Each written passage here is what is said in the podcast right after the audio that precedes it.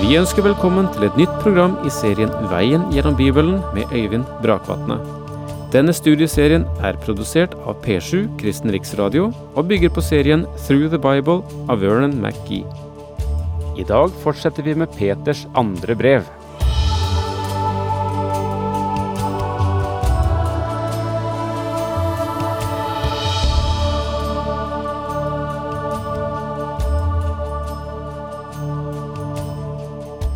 Jeg kjenner meg selv så godt at om jeg skulle tatt eh, farvel med min familie for å begi meg ut på en svært så lang reise, er det ting jeg ville sagt til dem og oppmuntret dem i forhold til. Jeg ville forsøkt å formidle noe av det som var tryggheten ved mitt liv, det de kunne stole på, det de kunne innrette sitt livskompass etter. Men samtidig tror jeg også at jeg ville fremmet en del signaler som fortalte hva de burde være forsiktige med, passe seg for, eh, ha under observasjon, ikke minst for mine barns del. Det er det samme du møter i 2. Peters brev som er det siste brevet Peter skriver. Han har noe han gleder seg over, og noe han fremmer som han sier dette er trygt, dette er godt, dette kan du styre etter. Men så løfter han frem også ting som skal tjene som advarsler, som formaninger, som et varsko, som varselsignaler langs livets vei. Og for å dokumentere det han sier, så tar han eksempler. Eksempler på frafall i Det gamle testamentet. Og det er tre eksempler han har. Eh, og det siste, det er det vi holder på med nå. Og det dreier seg om, om Lot, om Sodoma og Gomorra. Og da vi sa farvel til hverandre sist, eh, befant vi oss i versene syv og åtte i Annen Peters brev, kapittel to, og jeg tror vi går inn igjen der. Men han reddet den uskyldige Lott, som led under det umoralske liv de hemningsløse menneskene førte der. Ja, denne rettskafne mannen som bodde midt iblant dem, pintes dag etter dag, helt inn i sin rettferdige sjel, når han så og hørte alt det onde de gjorde. Det er et vakkert bilde Peter her tegner av Lot, og veldig verdifullt supplement til det som Skriften sier i Første Mosebok om Lot. Og jeg er veldig glad for det Peter har skrevet, og det forteller at Lot var i en kampsituasjon, og var i en forferdelig klemme den tid han bodde i Sodoma. Dette snakket vi lite grann om sist.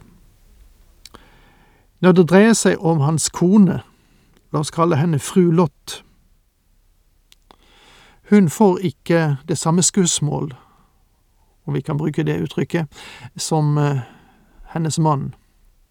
Han ble erklært å være en rettskaffen mann, hans hjerte lå ikke i den synd som Sodoma representerte. Når det gjaldt eh, hans kone, altså fru Lot, så vendte hun seg om og ble til en saltstøtte. Hele denne skildringen kan du fra bibelhistorien sikkert i, skolen. Det kan synes merkelig. Hvorfor skulle hun bli til en saltstøtte bare fordi hun så seg tilbake? Ja, mine venner, det dreier seg om hva det å vende seg om og se seg tilbake betyr. Hvorfor så hun seg tilbake? Det er åpenbart at selv om hun flyktet fra Sodoma, så lå hennes hjerte igjen der. Hun var viklet inn i alt det som foregikk i den byen. Hun tilhørte, og jeg er kanskje litt grann eh, spissformulert når jeg sier det, men hun tilhørte Foreningen for finere fruer, byens litteraturklubb og alt annet sosietetsliv. Kanskje de skulle ha bridgeaften den kvelden, og hun ville gjerne ha vært der, I stedet for, det så må hun flykte. Og jeg har en fornemmelse av at hun plaget Lotte og sa, hvorfor må vi dra så hurtig? En annen årsak til at hun vendte seg om og så seg tilbake, var fordi hun ikke trodde Gud ville ødelegge byen. Vel, det gjorde han, og han forvandlet henne til en saltstøtte. Den største lekse for oss i disse versene er at Guds redning av Lot og familie fra Sodoma kan stå som et bilde på menighetens bortrykkelse. Den vil finne sted før siste del av den store, trengselsperiode, før dommen kommer. For Gud vil ikke, og nå må jeg si, så langt som jeg ser denne saken, Gud vil ikke la sine hellige gå gjennom den. Selv de som er som Lot, de svakeste blant de hellige, vil bli tatt med. Lot ble husket, og om du har stolt på Kristus som din frelser, så kan du være sikker på at han vil ta deg med også. Og personlig ser jeg altså dette som et uttrykk for at menigheten skal ikke gå gjennom den store trengsel, ikke totalt sett. De er blitt rettferdiggjort ved troen på Kristus, og denne Lot var også rettferdiggjort. Herren vet altså å utfri det gudfryktige av prøvelser, men å holde de onde i forvaring inntil straffen på dommens dag. Til den som tror at menigheten går gjennom den store trengsel, vil jeg gjerne bare få si at Gud vet hvordan han skal fri sine egne. Enten det blir noe slik eller slik. Kanskje du ikke vet det, men Gud vet det. Han vet også hvordan han skal holde de onde i forvaring inntil straffen på dommens dag. Gud kjenner forskjellen mellom de gudfryktige og de urettferdige. Det vet ikke jeg. Hveten og ugresset vokser sammen i dag, og han sa la dem være, la dem vokse sammen. Jeg bekymrer meg over ugresset i dag, jeg skulle ønske at det ikke var så mye av det. Men hveten og ugresset vokser. Guds ord spres i den tid vi lever. En eller annen dag i fremtiden vil han gjøre dette skillet mellom gress og ugress synlig, når han tar sine egne ut av verden, og når de fortapte bringes for Guds trone for å få sin dom. Først og fremst dem som følger sitt urene, sanselige begjær og forakter den myndighet som er over dem. Disse menneskene er frekke og selvsikre, og uten å skjelve spotter de englemakter. Først og fremst dem som følger sitt urene, sanselige begjær. Det er en sterk formulering Peter har her. Det betyr faktisk dem som velter seg i urenhet og sanselighet. Dette er et bilde på dem som faktisk er lavere enn dyrene. Det er dem som gleder seg over det vulgære, det obskøne og perverse, og forakter den myndighet som er over dem. Noen kommentatorer mener at det er de styrende samfunnsorganer. Jeg har grunn til å tro at siden dette ordet dukker opp så få ganger i Guds ord, at det egentlig betyr herrevelde.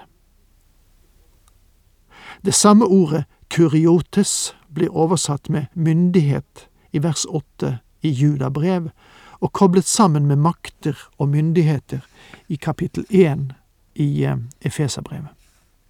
I Efeserbrevet har det å gjøre med åndelig myndighet. Med andre ord så forakter de som er åndelig, det som Gud har gitt herskermakt over oss. Englene og måten Gud driver universet på. De er dem som ber Gud fordømme alt under solen. De er ikke fornøyd med noe. Det er ikke bare det at Peter sier at de er frekke, det betyr at de ikke har noen hemninger, tar ingen hensyn. De gjør ingenting av å spotte. Da kjenner de seg bare moderne og betydningsfulle. Selvsikre, det vil si, de gjør det de vil, uten hensyn og uten å skjelve spotter de englemakter. Det ordet som brukes her for englemakter, er faktisk herlighetsvesener. De taler ondt om det som er hellig, det som er opphøyd. Er det ikke interessant at mennesker tar Guds navn forfengelig? De tar ikke byens navn forfengelig, eller sjefens navn forfengelig, men de tar Guds navn forfengelig.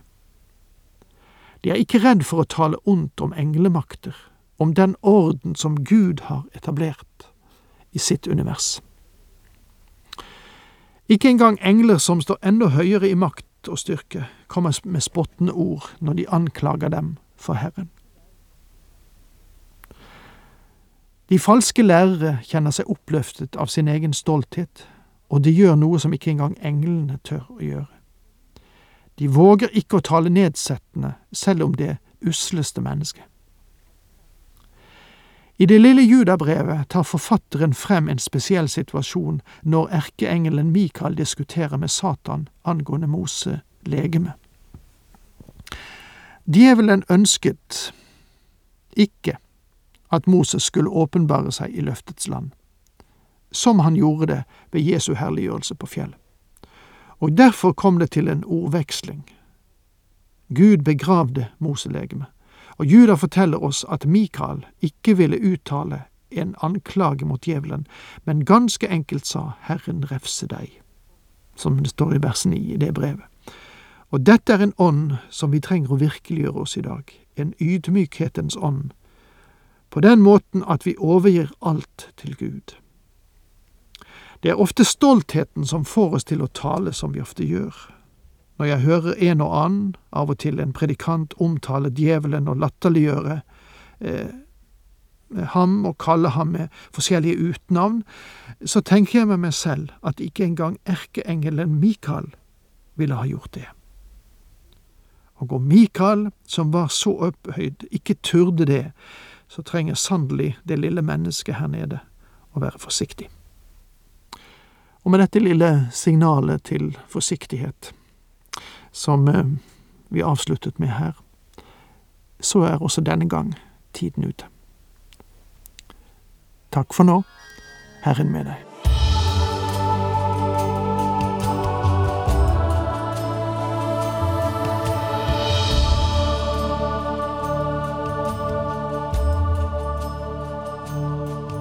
Du hørte Øyvind Brakvatne i studieserien Veien gjennom Bibelen. Serien bygger på et manus av Vern McGee. Har du spørsmål eller kommentarer til programmet, kan du sende en e-post til vgb krøllalfa p7.no. Takk for i dag, og på gjenhør.